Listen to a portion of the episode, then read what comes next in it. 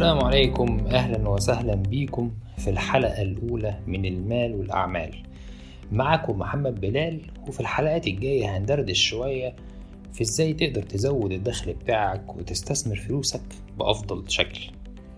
كمان هنتكلم على النصايح اللي بيقدمها كبار المستثمرين للناس عشان تستثمر بالشكل الصحيح وتبتدي طريقها في عالم الاستثمار. كمان هنتكلم عن ريادة الأعمال وإيه أهم الحاجات اللي لازم تكون فيك على المستوى الشخصي عشان تقدر تبقى رائد أعمال ناجح؟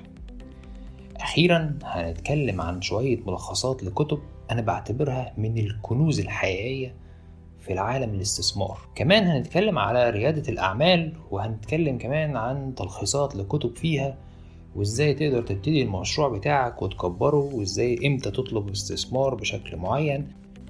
كل اللي أقدر أوعدك بيه إن أنت إن شاء الله لو من المتابعين للبودكاست ده هتقدر تغير مستوى حياتك من واحد ما عندوش القدر الكافي من الفلوس أو نمط حياته دايما بيحس إن فلوسه صغيرة ما بيبقاش قادر إن هو يكمل الشهر بيها أو ما هوش عارف إزاي يقدر يستثمر بالطريقة الصحيحة لحد قوي جدا في مجال الاستثمار يعرف إمتى يدخل مجال معين إمتى يستثمر فيه إيه, إيه انواع الاستثمار المعينة البورصة الذهب استثمار في الشركات الناشئة.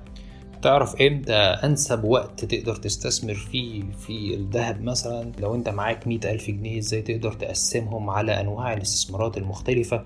يعني إيه محفظة استثمارية؟ كل الكلام ده وأكتر إن شاء الله هنبتدي نتعلمه واحدة بواحدة بخطوات بسيطة وكلام بسيط جدا. تقدر تطبقه في الفرص الاستثمارية. كمان هتقدر تعرف هل أنسب إن أنا أعمل وديعة في البنك ولا أشتري ذهب ولا أروح أتاجر في شقق ولا أسيب كل ده خالص كده وأبتدي أتجه في الاستثمار في البورصة.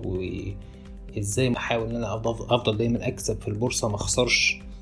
كل الكلام ده هنتكلم فيه واحدة بواحدة وإن شاء الله نقدر نفيد بعض وتبقى بداية قوية ليك تقدر من خلالها تغير حياتك إن شاء الله.